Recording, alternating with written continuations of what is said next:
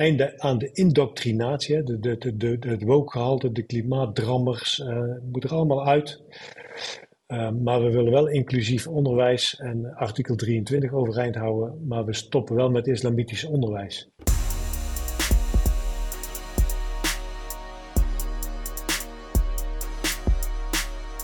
Welkom bij de maandelijkse podcast over het belangrijkste onderwijsnieuws van Nederland in de afgelopen maand. Op geheel eigen wijze nemen Chip de Jong en Peter Lone de top 10 van het nieuws met je door. In 15 minuten ben je helemaal bijgepraat over het actuele onderwijsnieuws.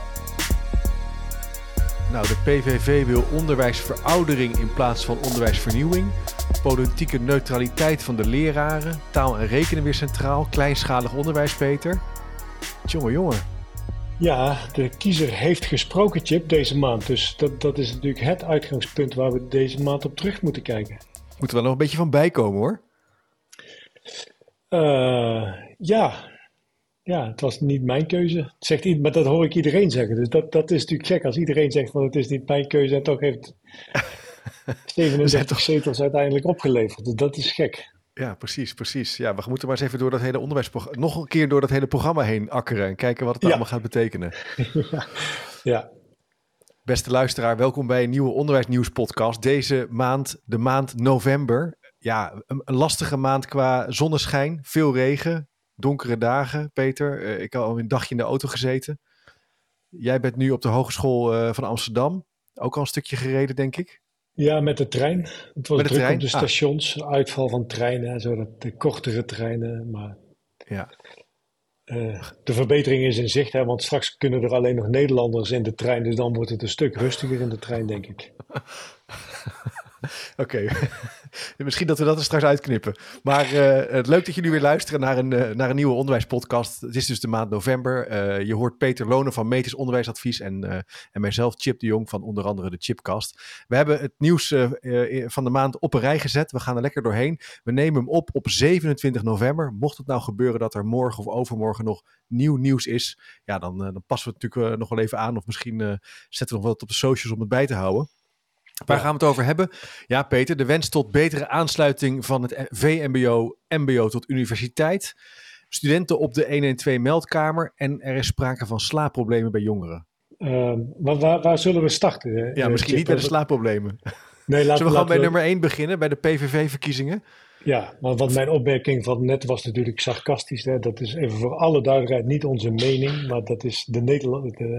Nou, alles gaat terug naar de Nederlander. Dat is natuurlijk ja. eigenlijk het grootste punt uit het verkiezingsprogramma, um, ja. um, waardoor uh, denk ik de grootste stemmen komen. Uh, ik heb vanochtend de onderwijsparagraaf er toch nog eens even bijgepakt. Ja. En, en um, nou ja, de, wat, wat, je dan ziet, uh, inderdaad onderwijsveroudering in plaats van vernieuwing. Politieke neutraliteit. Oké. Okay. Einde ja. aan de indoctrinatie, de, de, de, de, het wookgehalte, de klimaatdrammers, uh, moet er allemaal uit. Ja. Uh, maar we willen wel inclusief onderwijs en artikel 23 overeind houden, maar we stoppen wel met islamitisch onderwijs. Uh, ik ben benieuwd hoe dat hier een coalitie uit te maken is en, en enig consistent onderwijsbeleid. Want ja. ik denk wel echt dat het heel zorgelijk is als, als dit de leidraad is in het onderwijs. En je hebt gewoon met hele diverse uh, groepen studenten te maken. Ja. Um, hou heeft, de eh, polarisatie maar eens buiten. Ja, hij, hij, ook een pleidooi voor het beperken van het aantal buitenlandse studenten. En daar hoor je ook wel, uh, ook wel docenten over klagen en mopperen. Maar best wel een conservatieve uh, onderwijsagenda. Die op sommige plekken wel overeenkomsten vertonen met ons eerdere onderzoek naar uh, politieke voorkeuren. Samen met Teacher Tab en Amber van, van Walraaf. Daar hebben we overigens de Telegraaf mee gehaald. Dat is dan wel weer leuk, hè? Ja. ja. Nou, de eerste rel is weer op de dag dat wij deze podcast opnemen, is de informateur die precies één weekend informateur is geweest, weer teruggetreden. Ja. Gom, Gom van Strien. Ja, vanwege schandaal aan de universiteit, hè? een geleerde onderneming aan de Universiteit ja. Utrecht. Ja. Een ver, vermeend, hè? er is aangifte vermeend, gedaan, ja, dus precies. Geen, ja. Geen, geen, maar ik snap wel dat dat, dat, natuurlijk voor een, dat, dat is voor zijn rol natuurlijk niet te doen. Dan moet je, ja, dan moet je terugtreden, nee. dan moet er iemand anders nee, komen. Nee, ja. nee. Uh, Peter, iets anders. Uh, Denemarken die draait maatregelen om de internationalisering terug te draaien, weer terug. Ja, nou ja, dat, dat vond ik een interessant uh, een artikel in het Parool. Ja. Dat, dat is nog gepubliceerd voor, voor de verkiezingen. Ehm, Wilders kijkt vaak goed naar, naar wat Denemarken doet. Hè. Dat, dat is een soort inspiratiebron. En daar is ook een, een wat, wat rechts, eh, rechtspopulistisch kabinet aan de macht geweest. En die hebben juist de maatregelen om de internationalisering een, een halt toe te roepen teruggedraaid.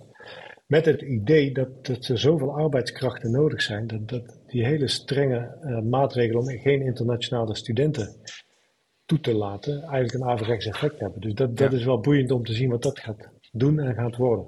Ja, ja, ja, ja precies. Het uh, is interessant. Vanochtend nog luisterde ik naar de podcast met uh, Maarten, Maarten, van Rossum. Moest even op de naam komen. En die zei van ja, dus kan je allemaal wel immigratie willen tegenhouden, maar wie gaat dan je asperges steken en je uh, aardbeien ja. plukken en de komkommers ja. binnenhalen? Dat ja, maar goed, een, um, ik zag een grote uh, populatie PVV-stemmers in het Westland, uh, in de glastuinbouw. Ja, um, ik zie, we komen daar straks nog wel op terug, dat het aantal MBO-studenten fors daalt. Dus ik ben inderdaad benieuwd wie de tomaten gaan plukken, wie, wie, wie het, het, werk gaan doen, wat, wat blijkbaar organiseren, niet aantrekkelijk is op dit moment. Ja. Peter, ja. uh, ik heb zelf wel uh, goed geslapen, maar het blijkt dat jongeren dus steeds minder goed slapen, omdat ze steeds aanstaan tussen aanhalingstekens. En, en dat komt dan weer vanwege sociale en prestatiedruk. Ja.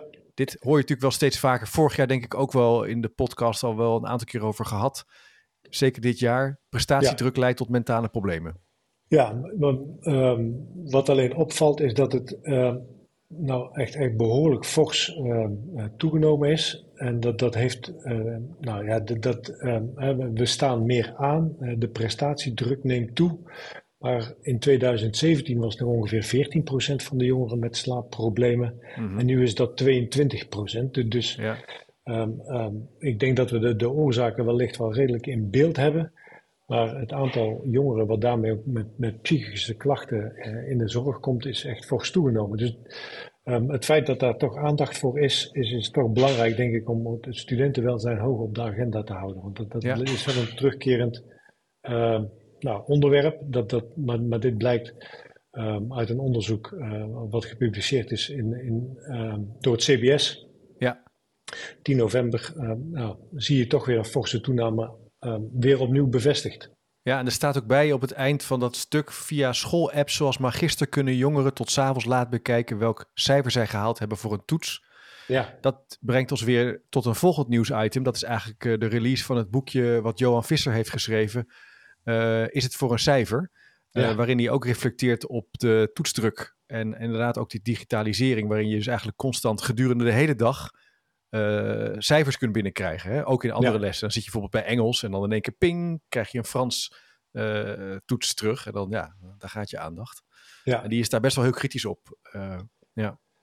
Ja, vooral ook van wat, wat zeggen die cijfers nu? Hè? Het boekje 5 en 6 ja. is toch, blijft toch een aanrader, Adriaan de Groot, om dat nog weer eens te lezen. Wat, wat zegt dat cijfer van die ene docent nu precies? En, en ja. blijft maar door uh, binnenkomen met cijfers. Ja, er zijn natuurlijk wel mensen die zeggen, ja, dat valt ook wel weer mee. Hè? 102 cijfers per jaar zijn twee toetsen per week volgens mij, of drie soms. Nou, ook niet overdrijven. Wat mij wel echt opvalt, even als ouder, is dat uh, uh, middelbare scholieren dan ook in één keer een 5,2 krijgen, een 6,4. Van die hele vreemde cijfers. Dat je denkt, ja, zit je in de eerste van de middelbare school? Wat zegt jou dat nou? Ja. Zo'n zo, zo komma, dat is natuurlijk Zweten, ja. weten, vergeten. Weten, ja. Mijn, mijn middelste dochter kwam laatst. Toen, hebben, toen ging ze mij uitleggen hoe dat het beoordelingsmodel in elkaar zat, om dat toch recht te praten. Er was iemand die had een, een 7,3 voor een mondeling Frans. Ik zei, nou, hoe krijg je dan toch die 0,3 verantwoord? En ja, maar dat is heel logisch hoor. Zo zit het beoordelingsmodel in elkaar. Je krijgt ja, ja, het punt wel of je krijgt het punt niet.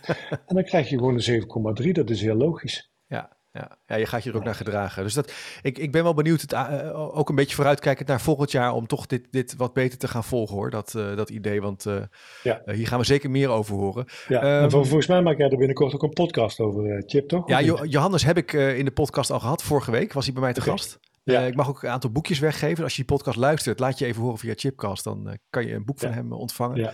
En ik heb natuurlijk eerder met Karin Heij, wij hebben het er ook wel eens over gehad. Um, dus ik vermoed dat we daar nog wel, uh, dat er wel meer over gaat uh, verschijnen ja. in het aankomend ja. jaar. Ja. Uh, ja. Maar het blijkt ook dat het aantal MBO-studenten aan teruglopen is. Ja, en dat is een forse terugloop. Dat, dat is nou, wel een voorspelde terugloop. Ja. Ehm, maar, maar toch weer 10.000 MBO-studenten minder. Ehm, naar, naar circa eh, 475.000. En de, de verwachting is dat dat nog terug gaat lopen naar 450.000 euro, eh, euro studenten. Studenten, En, ja. en eh, nou, dat heeft wel gevolgen voor de euro's uiteindelijk. Want, want dat geeft natuurlijk de krapte op de arbeidsmarkt alleen maar weer een, een impuls. Omdat de MBO-doelgroep is natuurlijk veruit de grootste eh, nou, eh, arbeidskrachten in Nederland. Dus dat is een belangrijke constatering. ja waar gaan die dan dat- heen? We gaan die wat zij, ze zei, ja, hebben we gewoon minder jongeren of gaan ze naar een, een hoger, gaan ze naar het HBO? Ehm, nou, de doorstroom naar het HBO is echt nog wel een thema. Dat, daar komen we zo meteen nog op. Dat, dat- Ja. die, die stagneert eigenlijk. De, de groenpluk is, is een, een onderdeel. Hè, dus dat studenten niet hun opleiding afmaken, maar al aan het werk gaan zonder diploma vanwege die krapte op de arbeidsmarkt. Ja. Je ziet een verschuiving naar meer BBL-studenten in plaats van BOL-studenten. Ja, Ehm, de demografische krimp, in, in, in zeker in de randgebieden van het land, eh, ga- gaat een rol spelen. Ja. Ehm, dus, dus nou, de, de verwachte krimp van het aantal MBO-studenten wordt op dit moment hard werkelijkheid. heeft misschien ook wel te maken met vergrijzing, met dat wij toch wat minder jongeren hebben. Want ik weet inderdaad in de, buiten de Randstad dat, er, eh, dat sommige ROC's gewoon te maken hebben met 10, 15 procent gewoon demografische krimpen. Ja, Gewoon, Ja. dat, is, dat weten ze eigenlijk al een paar jaar. En als je het dan optelt met die krapte, dan kan je in één keer tot een veel groter, eh, veel groter tekort komen. Ja, ja, ja, en di- dit zijn dus wel prognoses die we al, al lang zien aankomen, maar, maar nog niet eh, nou, goed gehanteerd hebben. nee, nee, nee. Nou, dat moeten we dan wel Ja, gaan volgen. eh, ja. dezelfde Maarten van Rossum die we net al genoemd hebben, zei van, ja, we, we maken gewoon te weinig kinderen in dit land. Ja, Dus eh, ja. ehm, Of, of je gaat kinderen maken of je bent minder tegen immigranten. Veel meer keuze is er niet. Kijk, dat is duidelijke taal. Eh, Peter, eh, aanpak betere doorstroom in de onderwijskolom. eh hoger onderwijs MBO, VO. Hè. Er moeten dossiers worden aangelegd zodat studenten makkelijker kunnen overstappen. Warme overdracht. Ja. tijd om het echt beter te doen. Ja, dat is al wel vaker gezegd natuurlijk, maar het komt toch Ja. weer even op, hè? Ja, Ja, ja, ja. Maar, maar nou, ik werk nu volgens mij sinds 2002 in het onderwijs, in het HBO-onderwijs. Ja, langer misschien al wel. Nou, eh, al lang. En dit thema staat al zo lang als ik weet op de agenda. ja. En, en het blijft toch een, een soort van hoofdpijndossier volgens mij. Dat, dat, ja, eh, Robert Dijkgraven, dat was net 31 oktober vorig jaar. Die heeft de havisten nog eh, gestimuleerd om een mbo-opleiding te gaan starten. En van daaruit door te groeien naar het hbo. Ehm, ik, ik denk niet dat het in de papieren werkelijkheid, hè, de- dus met dossiervorming en overdrachten en dergelijke, dat het daarin gaat gebeuren. De Nee, wat, hier ook nog wel, eh, wat hier ook wel bij speelt, hè, want er staat ook in dat stuk, de helft van de MBO-instroom valt uit in het HBO. Hè. Dan moet je even Ja. goed proberen Ja. te realiseren, de helft. Ja, Dat, dit zie je ook van HBO naar WO. ja, Eh, het is soms ook gewoon moeilijker. Dus Ja. we hebben niet voor niks, dat, dat is tegenwoordig spannender om te zeggen, maar soms kan je ook zeggen, ja, ik ga lekker werken en ik pluk gewoon, hè, ik zou, dat zou een interessante beweging kunnen zijn in die flexibilisering, dat je kan zeggen, ik wil gewoon vakken volgen. Ik hoef niet meteen Ja. een heel HBO-diploma, het AD Ja. Ja. eh, is daar natuurlijk een voorbeeld van, associate degree. ja, Maar dat mis ik, mis ik zelf nog wel eens voor studenten, eh, voor, voor mensen die werken, de mogelijkheid om gewoon een aantal dingen uit zo'n opleiding te kunnen volgen. In plaats van dat je ook een scriptie moet doen en stage en dit en dat. Ja. Ja, en we, we zijn dan toch heel erg gefixeerd op, op de diploma's en eh, de, het, het diploma-rendement moet omhoog. Hè. Dat, Ja. Eh, en dat, dat hebben we iets eerder al in deze podcast natuurlijk ook gehad van de eh, eh, collegevoorzitter van, van Curio in, in Ja. West-Brabant. Van maak nou doorlopende leerlijnen op vakgebieden. En Ja. kijk op welke, tot op welk niveau hebben we vooral behoefte en eh, bied daar een gericht onderwijsprogramma voor aan. Peter, ik, ik hoorde het op de radio ook. Studenten op de meldkamer eh 112 eh, om het personeelstekort te lijf gegaan. Ze krijgen wel een goede cursus eh, om de eerste aanmelding eh, te doen. Er zijn gewoon te, te weinig mensen die de telefoon kunnen opnemen. En studenten die eh, hebben dan een fijn en interessant bijbaantje. Ja, over groenpluk gesproken, hè, want Ja, Ehm. precies. Ja, Ja, ehm, een creatieve oplossing, zeker. Ja. en, en toch heel verantwoordelijk werk, want dat, dat moet natuurlijk absoluut heel erg goed gebeuren. Ja. En, en ik zie er ook bij staan dat ze dan hopen dat mensen uiteindelijk toch voor een opleiding bij de politie eh, kiezen, om, om ook op die manier het personeelstekort weer aan te gaan. ik vond het wel leuk en wel slim. En de studenten die ik hoorde op de radio namen dat vak eh, en dat bijbaantje ook heel serieus. Dus dat- Ja. het is ook wel weer eh, tof om te zien dat er dus wel mogelijkheden zijn om op een betekenisvolle manier een bijbaantje te, te, te, te, Ja. te hebben. Ja. En daar veel van te leren. Ja. Ja. Ja, Zullen we misschien alleen maar meer gaan zien? Ja, ik denk dat dit soort creatieve oplossingen, die zullen we toch nodig hebben. Ja, ja. Het laatste Ja. punt, eh, Peter. Docenten maken het verschil bij onderwijsvernieuwing. Dat is een stuk wat het AOB publiceerde over Ja. succesvolle onderwijsvernieuwing. Nou, dat is natuurlijk ook Ja. iets wat ons allebei altijd wel interesseert. Hè? Wanneer lukt het nou wel en wanneer lukt het nou niet? Ja, en, En, en wat, ehm, wat ik daar vooral eh, eh, interessant in vind, is dat, dat ehm, eh, eh, eigenlijk maakt het niet zo heel veel uit welk onderwijsconcept je wilt hanteren. En dat is natuurlijk ook wat Pedro de Bruiker al vaak zegt. Eh, eh, welk onderwijsconcept je ook kiest, maakt eigenlijk niet zo heel veel uit. Als het maar collectief gedeeld wordt en als je degene die het moeten gaan uitvoeren, want dat staat hier eigenlijk in, ehm, erbij betrokken zijn bij, bij de manier waarop het ingericht wordt. En of, nou ja, ehm, dit is nog een, weer een reactie op dat hele heel eh, principe van de juridische hogeschool, onder andere. Ja. Ehm, maar, maar vooral gebruik die docenten die het gaan invoeren en als zij eh, eh, het leerconcept ondersteunen eh, en, en er een bijdrage aan willen leveren, dan is de kans op succes echt vele malen groter. Je zou nou wel kunnen zeggen, er zou ook kunnen staan, docenten maken het verschil bij onderwijsverbetering. Dus het is natuurlijk eigenlijk altijd wel, wat je eigenlijk ook, een beetje op voorsorteert. Die docenten, eh, uiteindelijk moet er iemand in een klas iets anders gaan doen. Ja, Ja. Iets beters, efficiënter, anders. Eh, en ja, dus dat- daar hebben we dan die, die docent bij, bij nodig. Maar het, het is natuurlijk wel belangrijk bij dit soort processen, dat je die docenten en die leerkrachten eh, ook centraal stelt bij je, bij je ontwikkelproces. En niet Ja. pas op het eind bij betrekt, ook als Ja. onderwijsleider. nee. En inderdaad ook, ook met hen dan steeds de, de, de analyse maakt, is deze vernieuwing nu ook echt een verbetering? Of, of is het vooral een leuke marketingstunt om studenten te trekken, maar is het ook echt een verbetering? Dat, dat is wel een verplichting die je steeds Absoluut. aan elkaar moet opleggen volgens mij. Leuk Peter, nou hebben we het nieuws toch redelijk eh, goed doorgenomen. Ik vlieg zo naar de studio eh, in, eh, hier in Zeist om jouw collega's te interviewen over ChatGPT. Ja, Ook wel heel leuk. Lisa en Thijs, die maken ook zelf een podcast over open AI en digitalisering. En ik, snap er zelf weinig van, dus ik dacht, hey, ik ga hun eens even vragen. Wat ga jij vanmiddag doen? Ik ga een verbeterde groep leiden binnen eh, de, onder, eh, de Hogeschool van Amsterdam om te kijken hoe dat we met de docenten het onderwijs toch weer een slag kunnen verbeteren. Leuk man, klinkt goed. Jij verbeteren, ik vernieuwen. En dan eh, morgen praten we even bij hoe het is geweest. Ja, leuk.